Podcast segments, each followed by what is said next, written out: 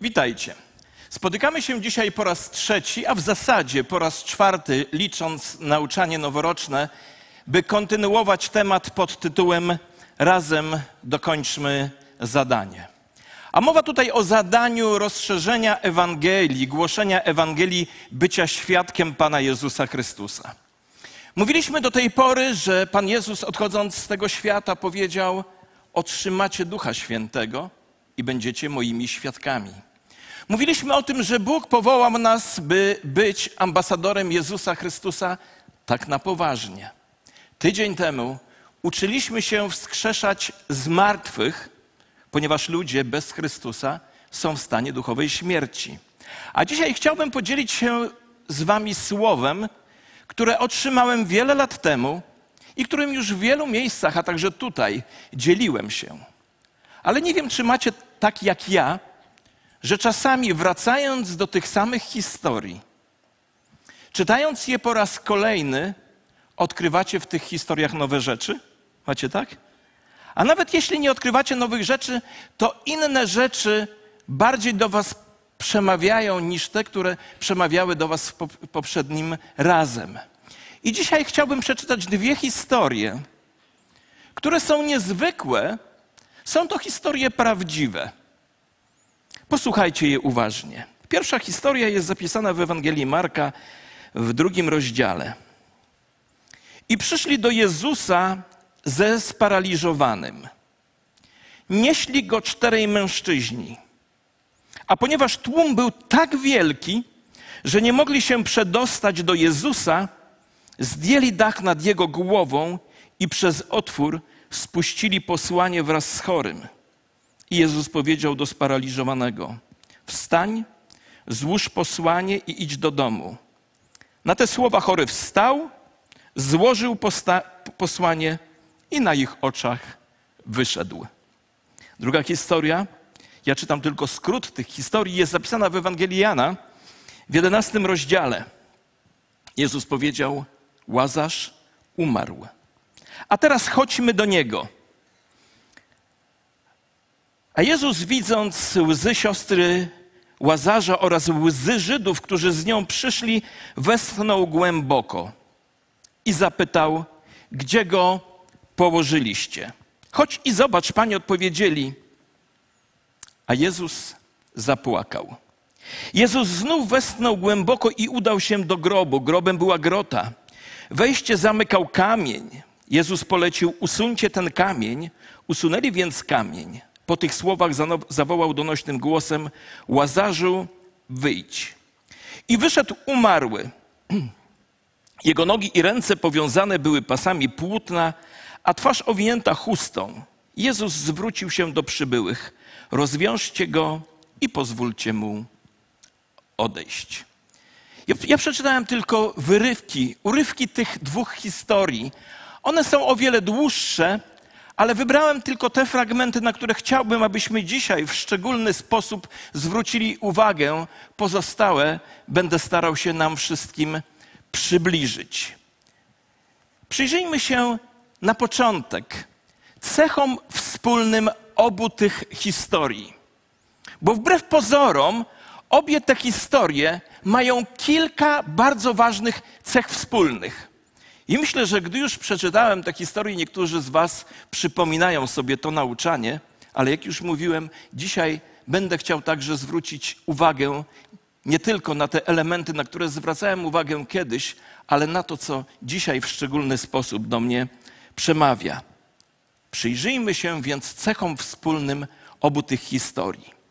Wiecie, wspólnym w tych historiach jest bohater.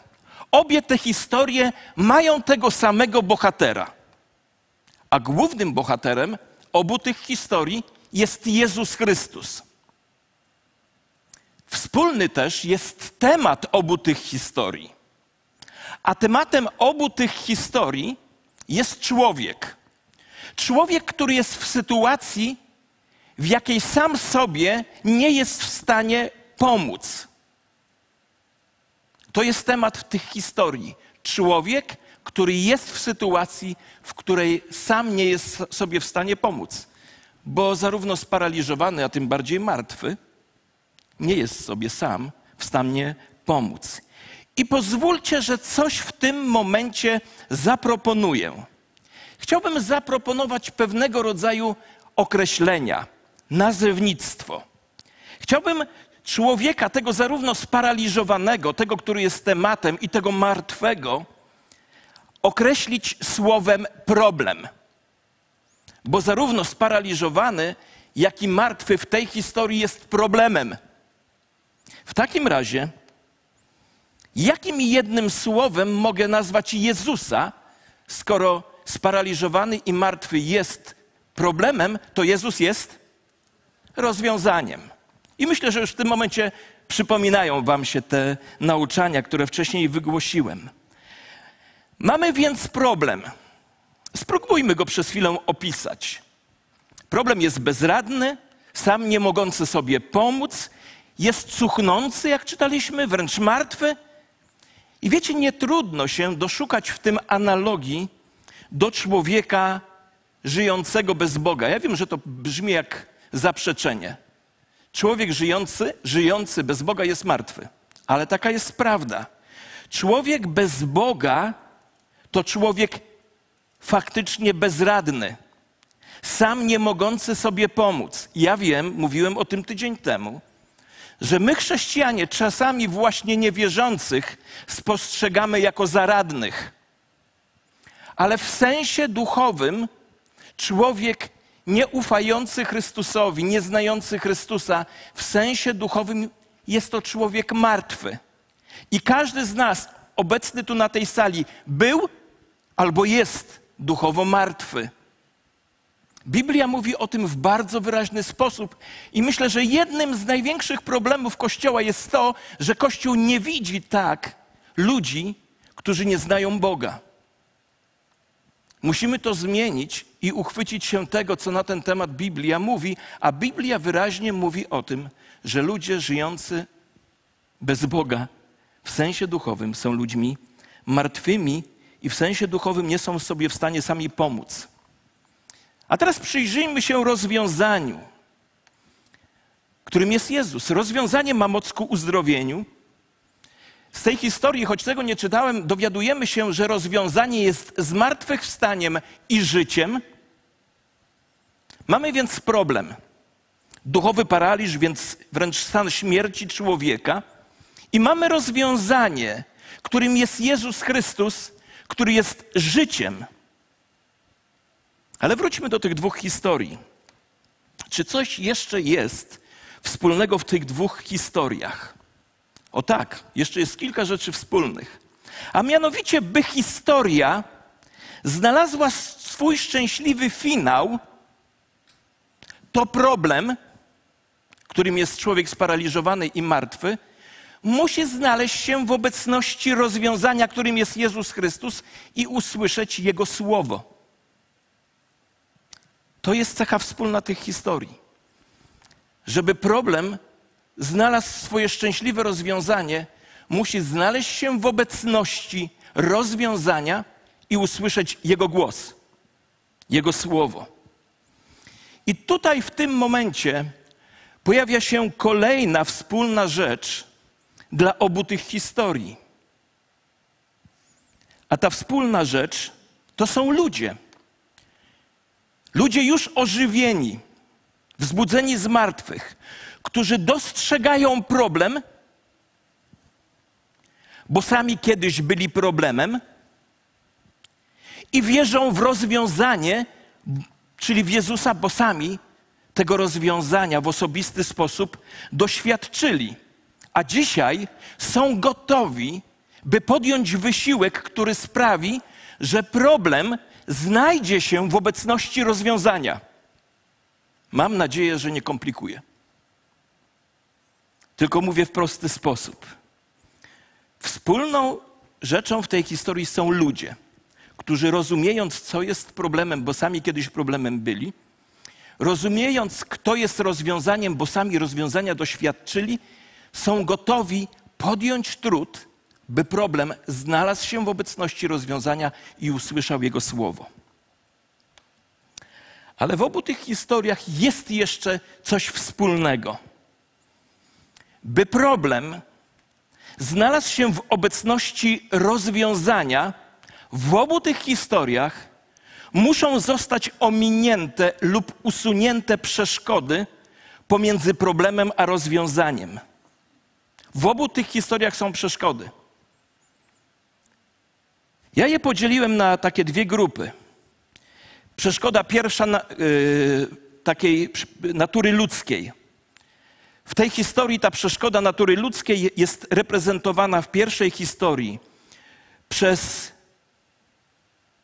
tłum ludzi, który stoi wokół, a w drugiej historii jest reprezentowany przez kamień i sposób myślenia chociażby jednej z sióstr zmarłego.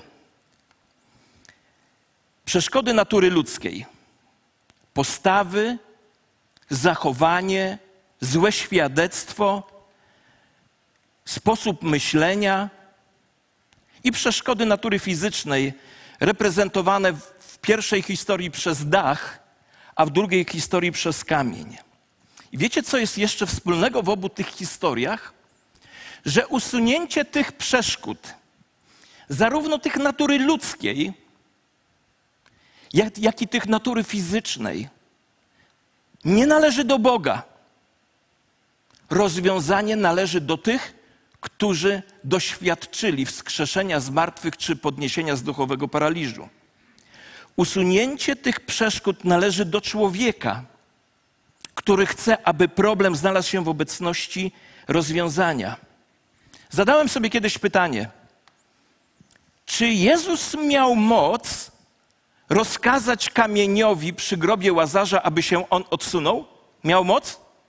Oczywiście, że miał. Mógł powiedzieć: Kamieniu, ja tobie mówię, odsuń się, kamień by się odsunął. Czy mógł rozkazać tłumowi, by się rozstąpił? Mógł to zrobić. Czy mógł powiedzieć do dachówek: Rozkazuję wam, rozsuńcie się? Mógł to zrobić, ale on tego nie zrobił. Nie zrobił tego, bo usuwanie przeszkód zostawił nam. I to jest coś, co mnie dotyka od lat. Zawsze między problemem, którym są ludzie duchowo martwi lub w duchowym paraliżu, a rozwiązaniem, jakimś, jakim jest Jezus, który jest zmartwychwstaniem i życiem, są przeszkody, które odpowiedzialność za usunięcie których należy do nas, a nie do Pana Jezusa Chrystusa.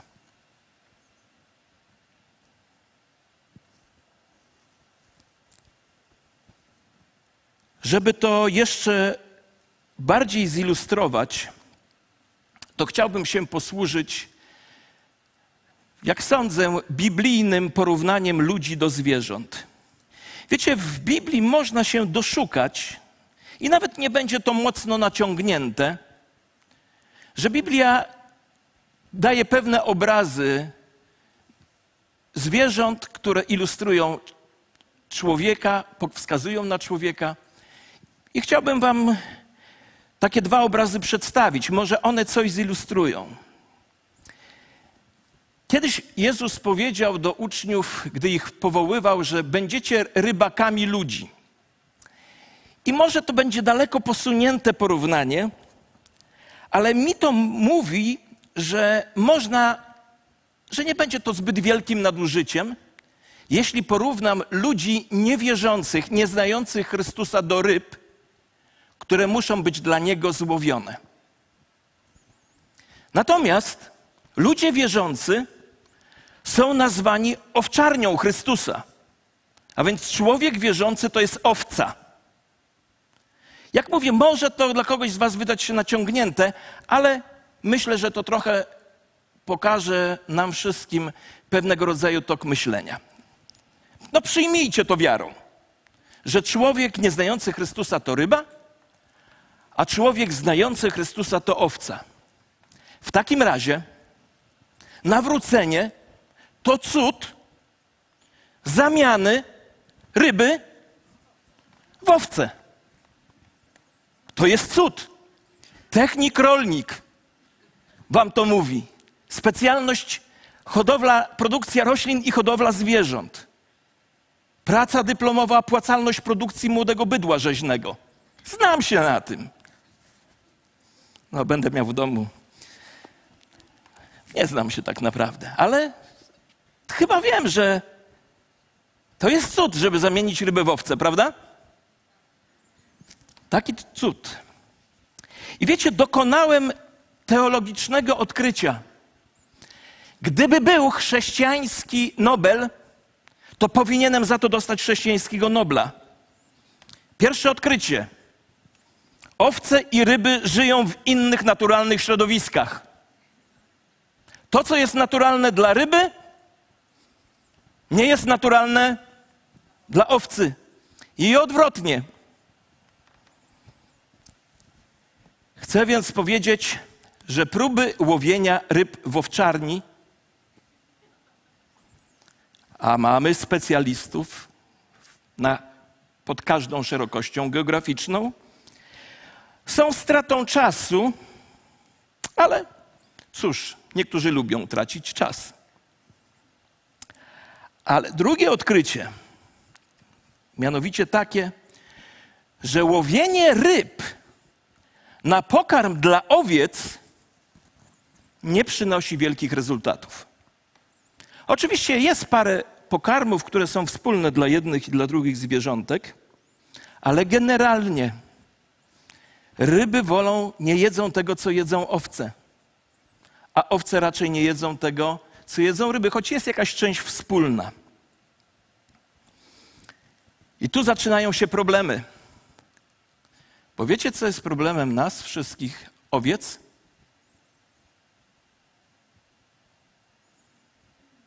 Że idziemy na ryby z pokarmem dla owiec. A potem się dziwimy, dlaczego jesteśmy tacy nieskuteczni. Nie chcę nikogo zranić, ale jak niektórzy myślą, że jeśli chcemy zrobić bardzo dobrą ewangelizację, to trzeba zaprosić bardzo dobry chrześcijański zespół i dobrego chrześcijańskiego mówcę. I wiecie, kto wtedy przyjdzie na takie spotkanie? Powcie głośno. Owce przyjdą. I powiem wam, jeszcze powiedzą, że kazanie było zbyt proste, muzyka nie była taka, jakby chcieli i tak dalej, i tak dalej. Chcę was dzisiaj i siebie zmusić do myślenia, bo dzisiaj największym problemem są ludzie, którzy są martwi duchowo, a największym rozwiązaniem jest Jezus Chrystus. Ale są między Nim a tymi, którzy są w potrzebie przeszkody.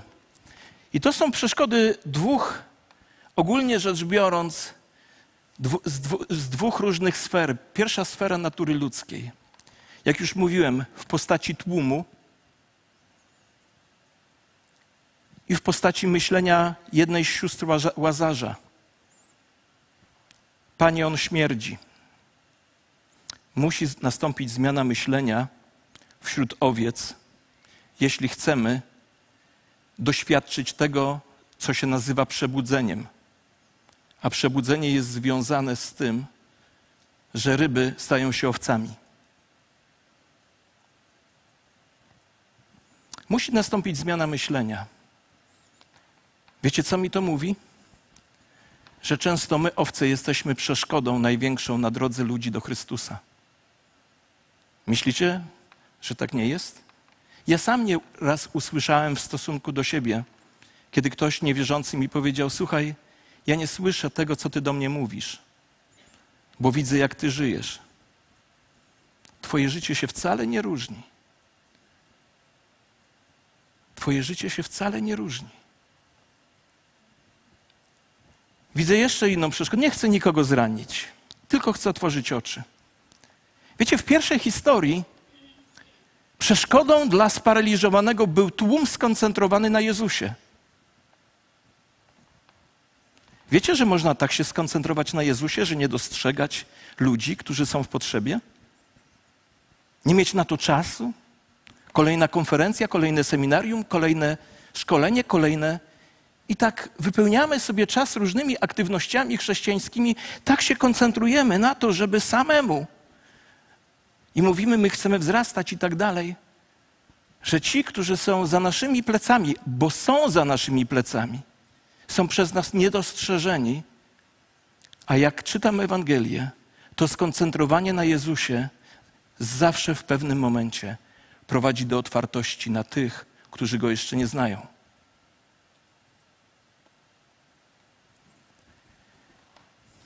Natury fizycznej?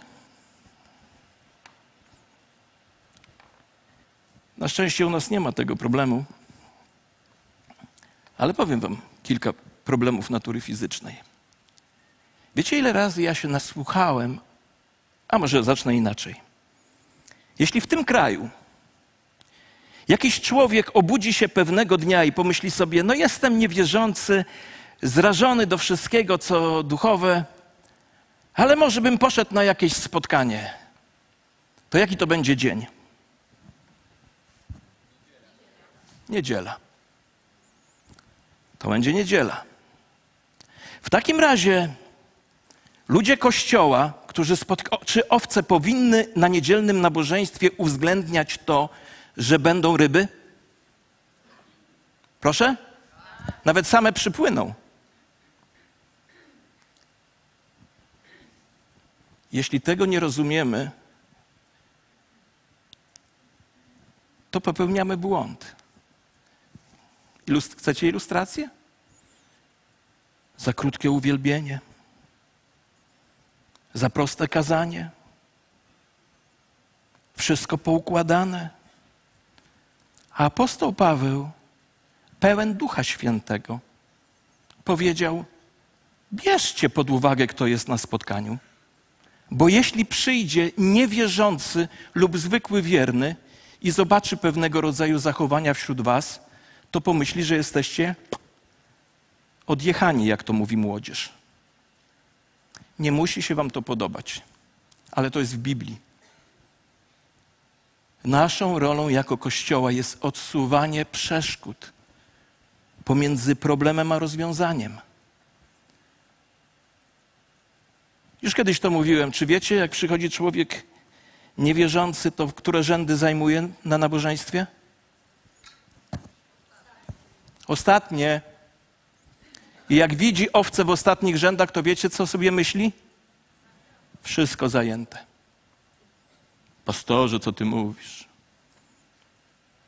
Ja widziałem rybę tu w tej sali wiele lat temu która przyszła pierwszy raz, zajęła którejś z pierwszych rzędów, po czym przyszła owca.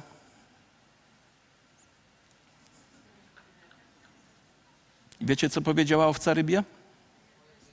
To jest moje miejsce. Obraziłeś nas, pastorze. Ja mówię o swoich zachowaniach. Chcecie parę historii?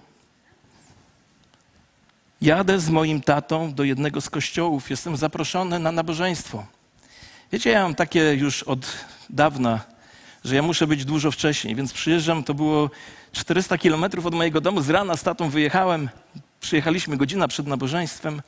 Ja wchodzimy do sali, pastor z ekipą już na scenie coś przygotowują. Tata mój usiadł w ostatnim rzędzie. W tym momencie otwierają się drzwi, wbiega do kaplicy człowiek, Podchodzi, rozgląda się, patrzy, obcy człowiek. Podchodzi więc do mojego taty i zadaje mu pytanie: Pan to pan czy brat? Czy jesteś z klanu, czy zemniak miłość? Nie minęło pięć minut. Wbiegł drugi człowiek i zadał mojemu tacie pytanie. Zgadnijcie jakie? Pan to pan czy brat? Słuchajcie, chcę, żebyśmy się zastanowili jako Kościół. Jesteśmy, większość z nas na sali, to są ludzie, którzy doświadczyli rozwiązania w osobisty sposób.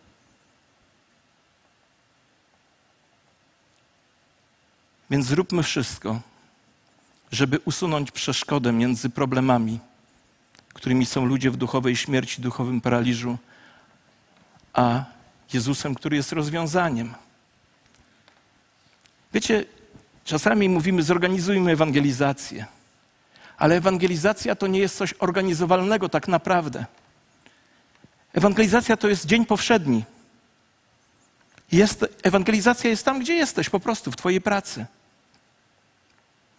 To w swojej pracy usuwasz albo budujesz przegrody między człowiekiem a Jezusem poprzez swoje życie, swoje słowa. Może poprzez swoje milczenie albo mówienie. Ewangelizacja ma być stylem życia, a nie wydarzeniem. Oczywiście mamy narzędzia. Mamy wiele narzędzi, które mogą sprawić, że ludzie usłyszą Ewangelię i chcemy je wykorzystać, bo chcemy ułatwić ludziom usłyszenie dobrej nowiny. Mówiliśmy tutaj już o chociażby naszym kanale, który się nazywa Jedno Słowo. Wiecie, dlaczego Was zachęcamy, żebyście lajkowali i udostępniali? Dlatego, że każdy lajk tak zwany to jest podniesienie tego światła, którym jest Ewangelia wyżej, a jeśli jest wyżej, to świeci też i dalej i więcej ludzi o tym wie. Prosta rzecz. Mam dla Was dzisiaj proste zadanie. Zalajkujcie jedno słowo i zalajkujcie jeszcze jedną rzecz. Zasubskrybujcie, czyli zaprenumerujcie nasz kanał na YouTubie Społeczności Chrześcijańskiej Północ. To takie proste ale to jest jak podniesienie światła wyżej, żeby więcej ludzi widzieli. Usuwasz przeszkody. Bo w tym całym internetowym zamieszaniu możesz podnieść światło Chrystusa, czy to przez zasubskrybowanie naszej strony, czy kanału Jedno Słowo, czy innych rzeczy chrześcijańskich. To sprawia, że to się podnosi wyżej i więcej ludzi widzi. Usuwasz przeszkody. To jest takie proste. Aż Trudno mi uwierzyć, że wielu z nas, czy większość z nas tego nie robi, udostępnić i tak dalej. Dzisiaj ludzie tam siedzą, w internecie. Ale podsumujmy to, co do tej pory było mówione. Co jest w obu tych historiach wspólne? Problem, czyli człowiek, który jest w duchowej śmierci. Rozwiązanie, którym jest Jezus Chrystus. Wspólni są żywi ludzie, dostrzegający problem, znający rozwiązanie i są gotowi ponieść trud, by problem znalazł się w obecności rozwiązania. Wspólne są przeszkody utrudniające spotkanie problemu z rozwiązaniem. Ale jest jednak pewna różnica między tymi dwoma historiami. A mianowicie w pierwszej historii problem został przyprowadzony, przyniesiony do rozwiązania a w drugiej historii rozwiązanie zostało przyniesione do problemu. I dzisiaj Bóg szuka ludzi, którzy będą działali w taki właśnie sposób, bo kochani, tutaj dochodzimy do konkluzji. Ludzie mają poważny problem i nie są sami, sami, sobie w stanie z tym poradzić, ponieważ są sparaliżowani, są martwi. Tylko Jezus jest rozwiązaniem. Lecz żeby mogli tego rozwiązania doświadczyć, muszą znaleźć się w Jego obecności. I tutaj są potrzebni ci, którzy dostrzegają problem, wierzą w rozwiązanie, są gotowi poddać swoje osobiste życie, by zostały usunięte z niego przeszkody i są gotowi oddać swój czas i wysiłek, by usunąć różnego rodzaju przeszkody. Są potrzebni ludzie, którzy będą działać na dwa sposoby będą przyprowadzać ludzi do miejsca Jezusowej obecności lub będą Jezusową obecność wraz z sobą, bo Chrystus w nas jest, przyprowadzać tam, gdzie są ludzie, którzy są martwi. Może pytasz, gdzie i o co chodzi? Gdzie jest Jezusowa obecność? Ona jest tam, gdzie co najmniej dwóch lub trzech, lub inaczej powiem, ona jest tam, gdzie tylko je dwóch lub trzech się spotykają jest tam, gdzie spotykają się czterech, czterdziestu, czterystu.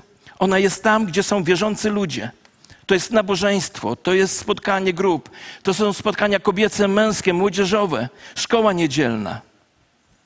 A drugie, przyprowadzić Jezusa tam, gdzie są ludzie.